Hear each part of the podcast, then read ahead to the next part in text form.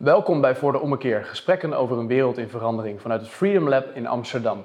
Mijn naam is David van Overbeek en vandaag spreek ik met Dylan Vianen. Hij is initiatiefnemer van de Bildung Academie.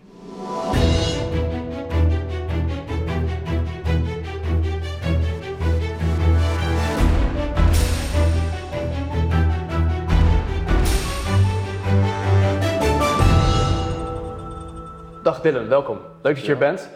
Dylan, jij bent initiatiefnemer van de, van de Bildung Academie. Ehm, voor de mensen die nu kijken en die de Bildung Academie nog niet kennen, kun je misschien even kort vertellen wat de Bildung Academie precies is en wat jullie doen? Ja, Ehm, nou ja, ongeveer 4,5 jaar geleden eh, kwam ik met een klein groepje studenten en docenten, toen nog met name van de Universiteit van Amsterdam en de Vrije Universiteit, uh, bijeen in een klein kraakpandje in de Spuistraat hier in Amsterdam. Mhm. Eh, omdat we iets misten in onze eigen opleiding. En met elkaar spraken we, lazen we, namen we interviews af om te kijken of we een vinger konden leggen op dat gemis. en op een gegeven moment hadden we het, dachten we. Eh, een term die toen al een beetje rondzong, bieldoen. Dus dat hebben we voor onszelf heel kort samengevat als persoonlijke vorming en het leren nemen en dragen van maatschappelijke verantwoordelijkheid, die mhm. twee. Dus niet alleen maar kritisch, analytisch, cognitief jezelf ontwikkelen, uh, maar ook in expressieve, uh, expressieve, zin, in ethische zin, in empathische zin, op het gebied van ondernemerschap, creativiteit. Um, en we dachten, nou ja, als dat is wat we missen, dan, uh, dan moeten we er misschien niet alleen maar over praten of over denken, maar dan kunnen we het zelf gaan maken, zelf gaan doen. Ja. Dus we hebben elkaar aangekeken en besloten om dat te gaan doen. En we hadden de tijd dus een beetje mee, want het begrip Bildung gonste al. Het was ten tijde van de maagdenhuisbezetting hier in Amsterdam. Mm -hmm. Uh, dus in een relatief korte periode kon die hele kleine groep studenten en docenten uitgroeien tot inmiddels een hele beweging van meer dan 500 studenten niet alleen meer uit Amsterdam, maar vanuit het hele land.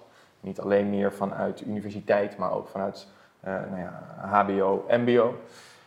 En meer dan 600 docenten en experts met wie we de Bildung Academie realiseren. Ja.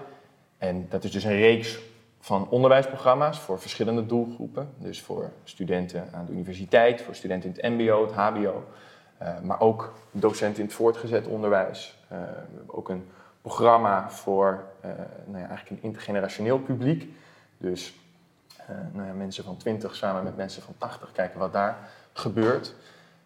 En naast onze eigen onderwijsprogramma's gaan we dan nog samenwerkingen aan met bestaande onderwijsinstellingen, MBO tot en met WO, om Bieldoen daar een plaats te geven. Dus onze missie is om Bieldoen onderwijs te ontwikkelen, innovatief onderwijs te ontwikkelen, maar vooral ook om dat vervolgens een plaats te geven in het reguliere bestel. Duidelijk, nou, daar komen we zo meteen nog uitgebreid over te spreken, denk ik. Nog even terug naar het begin in 2015. Want jullie zeggen, we zijn nu al een behoorlijke beweging eigenlijk geworden. In een krap drie, drieënhalf jaar tijd dus. Ja. Zijn jullie al een behoorlijke grote beweging geworden. in 2015, hoe oud was je toen, toen je dat uh, begon? Ik was zelf 19 toen. En toen voelde je al aan, er is een gemis in, in, de, in mijn opleiding ja. waar, wij iets aan willen doen met elkaar. Ja. En dat gons toen al een beetje rond. En uh, je was eigenlijk al vroeg, had je dat dus al door eigenlijk op dat moment. Ja, nou niet zo gearticuleerd als dat het inmiddels geworden is. Uh, dus ik was zelf naar de universiteit gegaan. Ik heb filosofie gestudeerd hmm. Uh, aan, de, aan de Universiteit van Amsterdam. En ik had daar torenhoge verwachtingen van. En ik dacht, oh, filosofie aan een universiteit, dat, dat moet echt heel wat zijn. Ja. Uh, en ik vond het ook heel erg leuk, ik genoot ervan. Maar het was bij lange na niet wat ik ervan verwacht had. En in zekere zin was ik teleurgesteld, omdat ik, ja, ik kreeg filosofie uit de boeken. Ik kreeg hoogleraren, knappe koppen die mondeling zonden uh, tal van informatie doorheen de eeuw uh, opgebouwd. Maar wat, wat er niet gebeurde was kijken hoe kunnen we die kennis en hoe kunnen we die kennis meenemen de maatschappij in. Wat betekent die kennis voor mij persoonlijk? Hoe kan ik die kennis inzetten, inzetten ook in relatie tot andere disciplines? Ja. Uh, dus ja, het was meer op dat niveau van een persoonlijk gemiste ervaring dan dat het al een heel gearticuleerd idee of visie uh, was. En kan je je nog een specifiek moment herinneren waarop je dacht, nou dit is nu, uh, nu zie je, nu kom ik echt iets tegen waarvan ik denk, dit, dit, dit gaat niet helemaal goed of hier mis ik iets. Of hier ontbreekt het echt aan iets wat, wat, wat op dit moment echt iets aan gedaan zou moeten worden in het onderwijs. Ja, nou grappig genoeg vanuit een meer positief, uh, positieve hoek. Dus ik volgde ook het honors-programma. Dus een, dat is een extracurriculair programma voor studenten met een bepaald gemiddelde in cijfers. En uh, daar kreeg ik het vak retorica van onder andere Eugène Sutorius en Marijn Moerman, een mhm. kunstenares en een hoogleraar. Twee mede-initiatiefnemers ook, later van de Buren Academie. en zij hadden het vak op een totaal andere manier ingericht. Dus niet alleen meer kennis, theorie, maar ook dingen uitproberen. Een speech houden in de metro. Uh, een verhaal houden uh, vanuit het perspectief van je grootste opponent. Nou, een aantal van dat soort dingen. En ik dacht, ja, dit begint erop te lijken. En dat heb je ook gedaan, een speech in de metro? En dat hebben we ook gedaan, ja. Met elkaar allemaal? Doodeng, ja. Iedereen hield een speech op een publieke, publieke plek, ik in de metro. En waarover heb je het gehouden, weet je dat nog?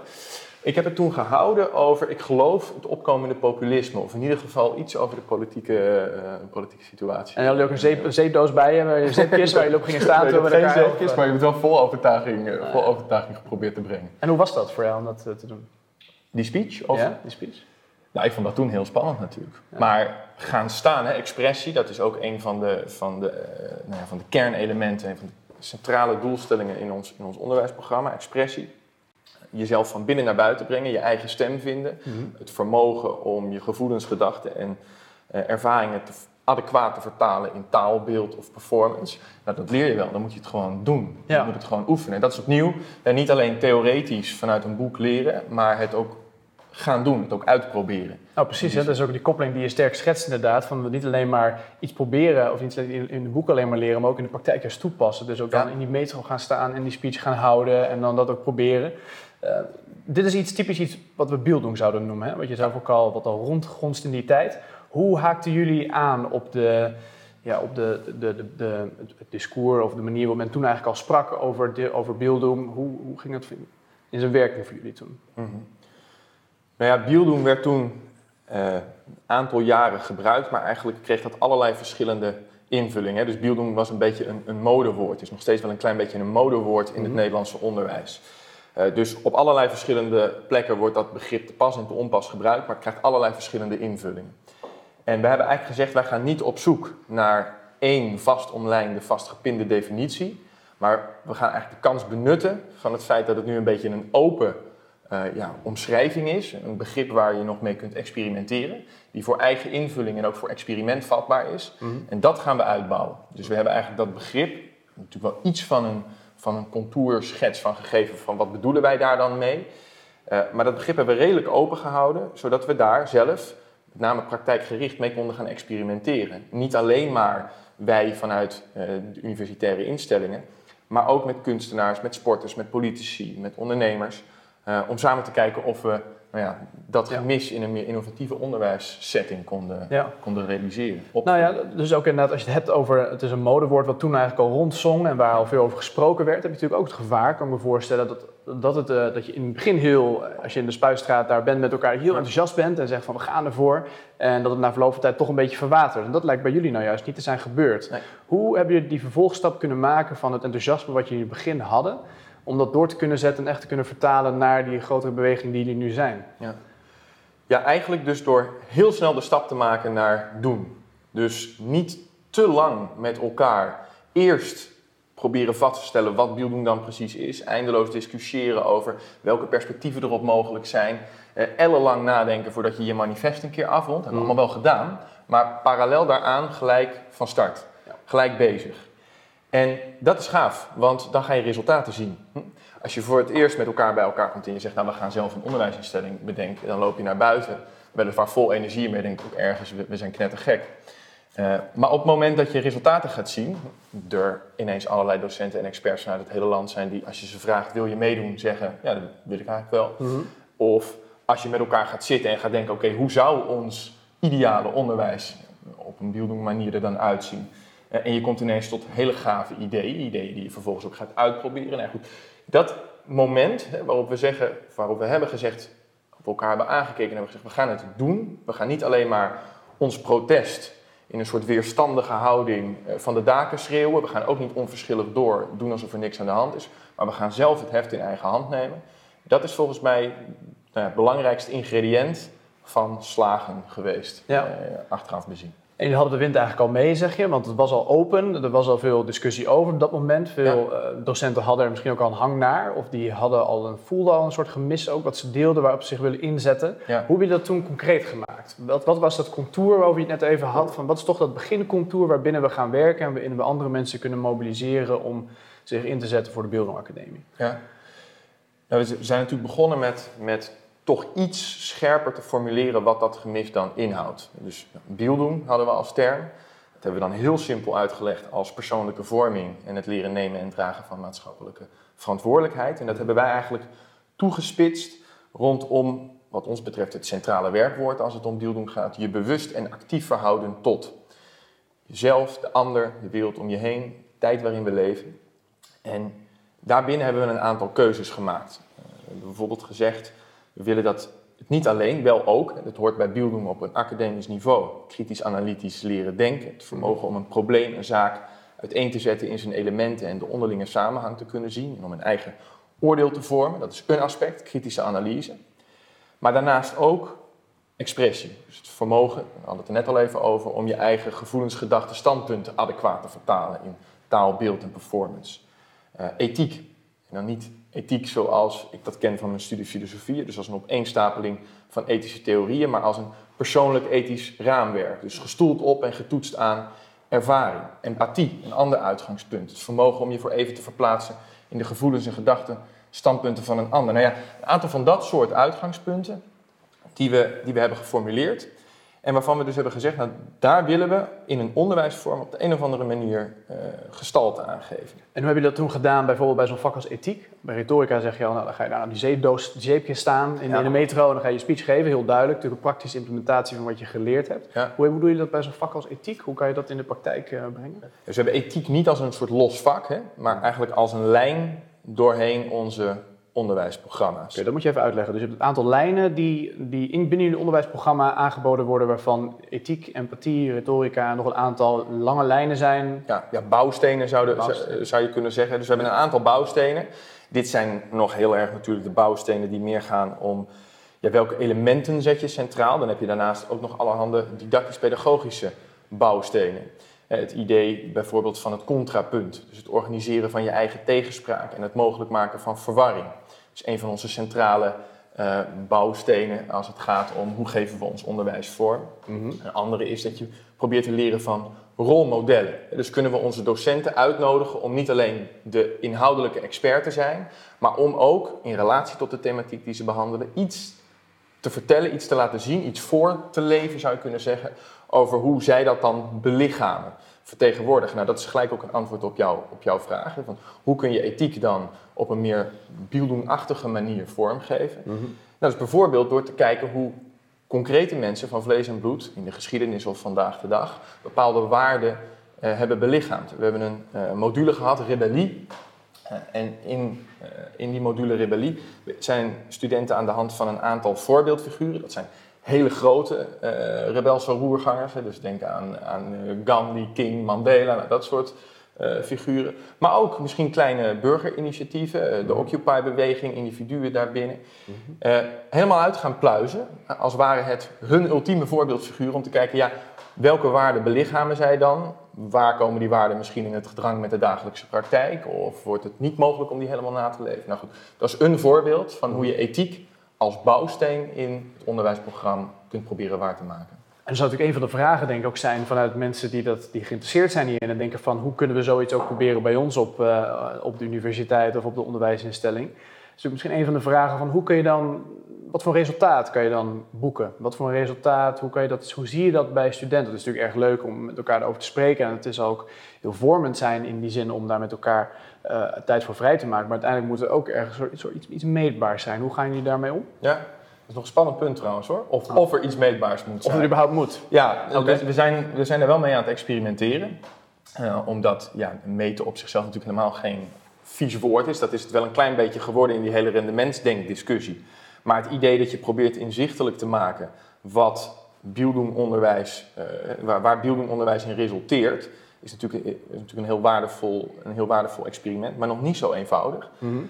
uh, wat je wel ziet, en dat is tot nu toe natuurlijk nog een, nog een betrekkelijk kleine groep. We hebben een paar honderd alumni van onze eigen programma's. Dat worden natuurlijk naar de toekomst toe meer. En we bestaan nog niet zo lang, dus we kunnen nog geen longitudinale onderzoeken doen naar de effecten op langere termijn, et cetera. Maar wat we terugkrijgen, dus in studentenevaluaties, in gesprekken die we ook met uh, alumni verder nadat ze, dat ze zijn afgestudeerd, zeg maar. Mm -hmm contact wat we dan met, met ze hebben, is dat ze door de Bieldoen Academie, door de programma's die ze daar hebben gevolgd, veel meer het gevoel van richting hebben gekregen. Dat is natuurlijk nog betrekkelijk vaag hè, wat dat dan betekent, maar dat betekent concreet dat sommige mensen veel beter weten uh, wat ze na hun studie willen gaan doen. Mhm. Of welke talenten ze waartoe willen aanwenden. Waar ze zelf warm en energiek gemotiveerd uh, door raken. Nou, een, aantal van dat soort, een aantal van dat soort dingen zie je terug in die studentenevaluaties. Ja. Dus de vraag of je bieldoen meetbaar kunt maken, dat is uh, een vraag waar we nu volop mee aan het experimenteren zijn. Uh, maar daar, ja, daar, zijn we nog niet uit. We hebben nog niet zoiets van, nou, er is een soort tienpuntschaal, maar dan, dan op gebied. Ja. Maar er is wel heel veel mogelijk met feedback, met verschillende toetsingsmatrijzen. Uh, je kunt daar veel dingen in doen. Ja, nou, het lijkt me ook dat als je het inderdaad naar het volgende, volgende niveau wilt tillen, als je, dat je op een gegeven moment toch ergens iets moet laten zien van hoe kunnen we dit inderdaad omzetten in een, uh, in een, in een, een of ander meetbaar resultaat. Het hoeft niet per se in, in, cijfers of iets ergens gevat te zijn, maar het kan ook dat je, soort, dat je die kwalitatieve verandering bij studenten probeert onder woorden te brengen. Van hoe, hoe verandert zo'n student in de loop van de tijd als die zo'n buildingprogramma ondergaat? Ja. Ehm, waarom, is dat, waarom is het voor jullie nu zo belangrijk om daarmee bezig te zijn, met die, met die meetbaarheid? Is dat, zijn jullie ook bezig nu met die, met die vervolgstap of met dat... Ja, belangrijk? Nou, het is om een aantal, aantal redenen belangrijk. Hè. Kijk, allereerst als je onderwijs maakt, wil je natuurlijk goed onderwijs maken en wil je het onderwijs verbeteren. Mhm. Eh, dus op het moment dat je op de een of andere manier inzichtelijk kunt maken wat het effect van je onderwijs is, mhm. en dan inderdaad niet op een tienpuntschaal, maar misschien wel gewoon wat is de kwaliteit of de kwalitatieve beleving van studenten. Uh, als we het idee hebben dat ze beter in staat zijn om zich bijvoorbeeld te uiten, hè, gewoon een expressief gebied hoe werkt dat dan door op de langere termijn in hun verdere carrière bijvoorbeeld? Ja. Uh, hoe kijken ze zelf terug op de tijd die ze bij de academie hebben gehad? Dus ja, één heel, belangrijke, uh, één heel belangrijk element in dat verband is natuurlijk dat het, dat het ons in staat stelt om het onderwijs te verbeteren. Uh, daarnaast is er ook wel een maatschappelijke wens, en dat zie je bij het ministerie van Onderwijs, Cultuur en Wetenschap, waar die vraag een beetje leeft. Je ziet het ook wel op Europees niveau, als het gaat om de accreditatiestelsels en kaders. Dus uh, allerhande kwaliteitseisen waar uh, Europese universiteiten, hogescholen of überhaupt Europese onderwijsinstellingen aan moeten voldoen. Mhm. Is ja, we willen niet meer heel rigide uh, alleen maar dat meten wat heel evident meetbaar is. Hè, een beetje toch, toch wel in de sfeer van die tienpuntschaal. We willen ook ruimte maken voor, voor persoonsvorming, voor maatschappelijk verantwoordelijkheidsbesef. Maar ja, wij moeten ook verantwoorden waar het belastinggeld naartoe gaat. we moeten ook uh, verantwoorden waarom een bepaalde opleiding wel of niet aan de kwaliteit voldoet. Dus nou, voor onszelf is in ieder geval die kwaliteitsborg en verbetering is het belangrijkste motief. En dat geldt niet alleen voor de academie, maar dat zie je ook op maatschappelijk niveau. En wij zijn een ideale proeftuin natuurlijk om daarmee te experimenteren. Ja, en die zijn ook erg ambitieus. Hè? Je hebt al aan het begin van het gesprek gezegd, Bildung, daarvan willen we eigenlijk dat het een nieuwe normaal wordt. Ja. Dus als ik het dan zo mag schetsen, zijn jullie van een beweging in 2015 begonnen iets waar jullie eigenlijk een gemis ervaarden in, in de onderwijsinstelling, waarbij je misschien iets complementairs aanbiedt in eerste instantie, zijn jullie nu al naar een formulering toegegaan van beelding moet het nieuwe normaal worden. Dat is vrij ambitieus. Ja. Ehm, nou is er natuurlijk wel onlangs aan de VU bijvoorbeeld, waar jullie erg actief zijn, is er een nieuw programma uh, op gang gekomen, wat volgend jaar van start gaat, als ik het goed begrijp. Het heet A Broader Mind. Ja. En daar hebben jullie ook een rol in gespeeld bij de totstandkoming van dat programma. Wat ook een soort beelding uh, is voor studenten. Um, alleen dan niet alleen vanuit de Beelding Academie georganiseerd, maar echt op institutioneel niveau van de VU zelf. Ja. Kan je daar iets meer over vertellen? Ja, zeker.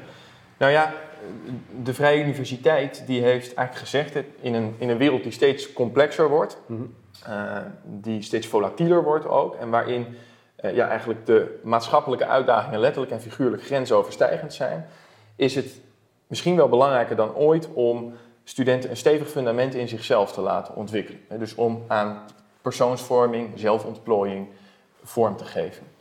Uh, en om dat direct ook vast te maken aan een zekere maatschappelijke verantwoordelijkheid, of in ieder geval een zeker maatschappelijk verantwoordelijkheidsbesef. Dus hoe kun je nou je academische kennis en ervaring inzetten, gebruiken om te helpen om die grensoverstijgende uitdagingen, digitalisering, klimaatverandering, we kennen ze allemaal, mhm. om die mee te helpen oplossen. Of op zijn minst je daar bewust en actief toe te verhouden. Dat wordt inderdaad a broader mind genoemd. Hè? Dus het breder kijken, het jezelf breder ontwikkelen dan alleen je eigen discipline en vakgebied. Uh, en dan alleen op theoretisch niveau. Nou, je hoort al dat die verhalen, hè, dus het verhaal van de Bildung Academie en de ambitie van de Vrije Universiteit, heel dicht tegen elkaar aan liggen. En de Vrije Universiteit heeft ons dus gevraagd om hen te ondersteunen bij de totstandkoming van het Broader Mind. Dat programma op de VU bestaat uit drie verschillende pijlers. Dus een onderwijspijler, het idee dat je dus binnen het curriculum, binnen het bachelorcurriculum, meer aandacht besteedt aan deze zaken. Ik kan misschien dadelijk iets meer over zeggen. Uh, community service learning, uh, dus uh, eigenlijk het leren inzetten van je academische kennis en ervaring bij het helpen oplossen van maatschappelijke vraagstukken door uh, met maatschappelijke partners, uh, denk hier in Amsterdam bijvoorbeeld aan de voedselbank, bij het oplossen van armoedeproblematiek in Amsterdam-West, mm -hmm. uh, om, om daar rondomheen projecten te organiseren. En, en dan komen we weer bij het punt van zo even, onderzoek. Dus als we naar nieuwe vormen van onderwijs toe gaan, hoe maak je dan inzichtelijk wat de effecten van dit type onderwijs op de langere termijn zijn en ja, wat het rendement van, van dit type onderwijs is. Ja. Nou, wij zijn specifiek gevraagd in die eerste poot, in die eerste pijler, de onderwijspijler, om bottom-up uh, een ja, verrijking van het bachelorcurriculum mogelijk te maken. Dus om straks doorheen de drie jaren die de bachelor duurt, voor alle bacheloropleidingen, in de toekomst openstaand voor alle bachelorstudenten, een programma te maken rondom grote maatschappelijke vraagstukken. Uh, waarbij je heel actief bezig gaat met je persoonlijke ontwikkeling en het ter hand nemen van die vraagstukken. En dan zo'n zo'n probleem als digitalisering, waarvan natuurlijk heel veel verschillende opvattingen over zijn en ook heel veel analyses van zijn over hoe, wat voor invloed dat heeft op de samenleving en op het, op het leervermogen van studenten. En natuurlijk allerlei discussies over. Ja. Hoe kun je nou zo'n groot en abstract idee als digitalisering heel concreet maken? Kan je daar eens een voorbeeld van geven hoe dat binnen A Broader Mind bijvoorbeeld in zijn werk zou gaan? Ja, ja, dus we zijn natuurlijk bottom-up met die enorme groep van studenten, docenten, medewerkers van de VU aan de gang gegaan met precies dit type vragen. Hè. Dus ja, eigenlijk met elkaar aan de hand van innovatieve werkvormen bezig gegaan met het maken van innovatieve onderwijsvormen. Mm.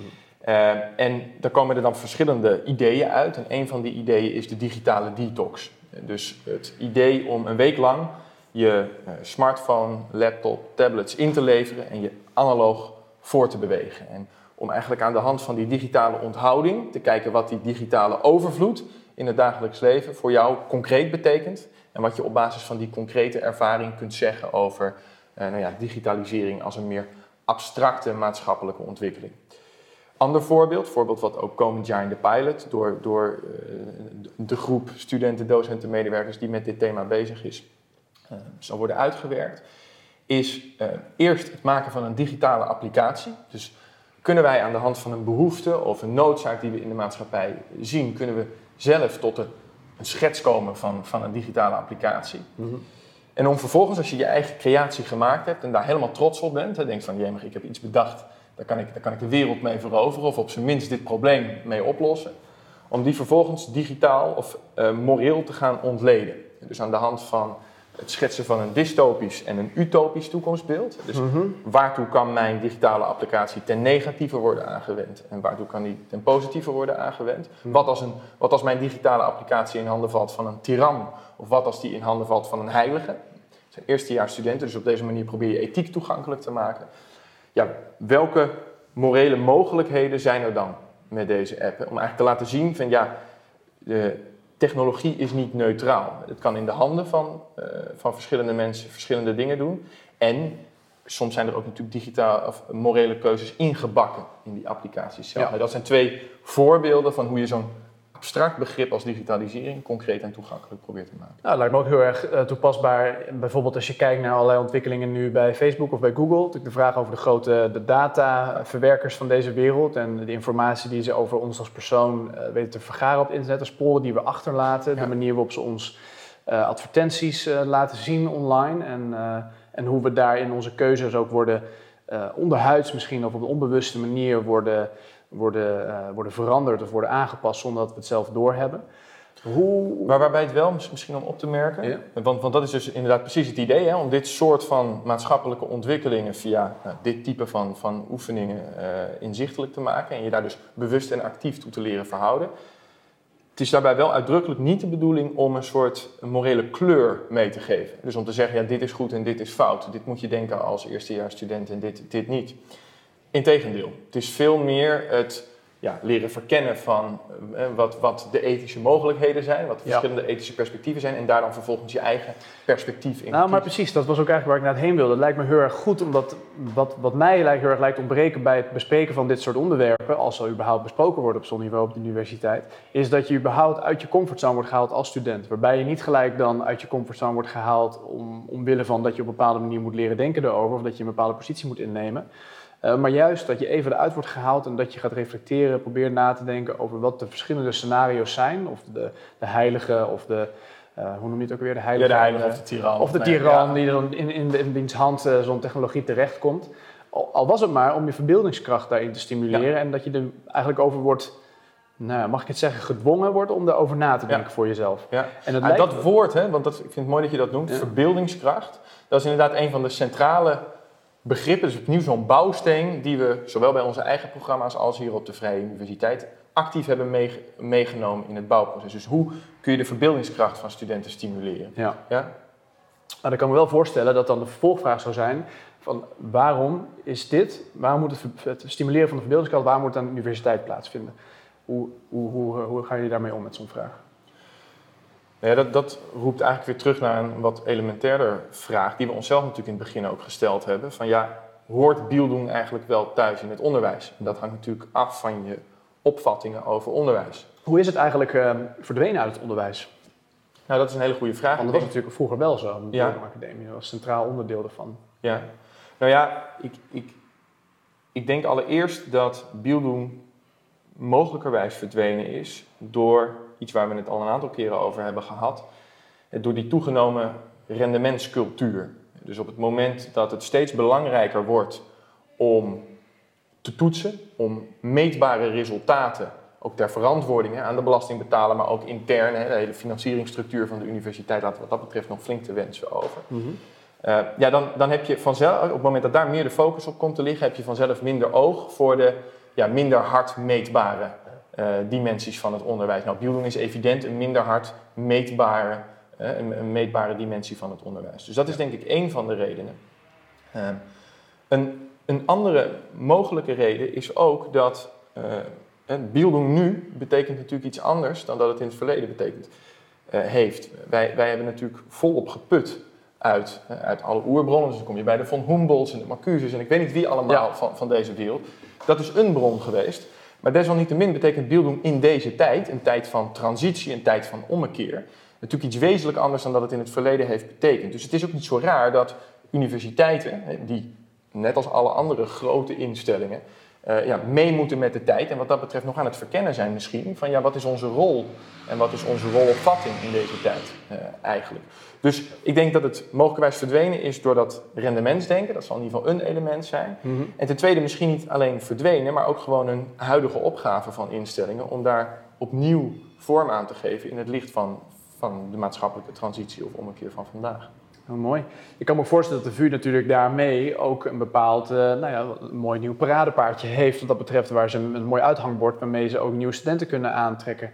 Omdat ze iets hebben wat andere universiteiten op dit moment nog niet aanbieden natuurlijk. Ja, en paradepaardje of, of uithangbord, daar, daar doen we het misschien mee tekort. Uh, want ik denk dat zij wat dat betreft echt, echt koploper zijn als het gaat om, om inzien dat een universiteit, een onderwijsinstelling vandaag de dag ook aan bieldoen uh, aandacht zal moeten besteden. Dat in het licht van een steeds complexere wereld, in het licht van grote maatschappelijke uitdagingen, uh, het cruciaal is dat je een klein beetje weet wie je bent, wat je kan en welke richting je op wil. En ook in staat bent om met mensen van andere disciplines uh, niet alleen kennis uit te wisselen, maar ook actief tot handelen uh, over te gaan. Mhm. Dus na natuurlijk is het hopelijk straks een heel mooi paradepaardje en komen er heel veel studenten op af. Uh, maar het is meer dan een uithangbord. Het is, het is echt wel een vrij fundamentele keuze die de Vrije Universiteit gemaakt heeft. Uh, en ik vind dat eerlijk gezegd alleen maar bewonderenswaardig. Zeker. Zeker. Wanneer gaan jullie van start met het programma? Op de Vrije Universiteit, wanneer gaat die van start? We gaan in, uh, in februari gaan we van start met een pilot met 500 studenten van een aantal verschillende opleidingen. Uh, dat zijn eerstejaarsstudenten. Uh, dus in februari gaan we, gaan we meemaken of dat wat we nu bedacht en ontwikkeld hebben in pilotvorm wel of niet werkt en wat daar dan wel en niet van werkt. En vervolgens zullen we dat bij, bij slagen natuurlijk doorontwikkelen.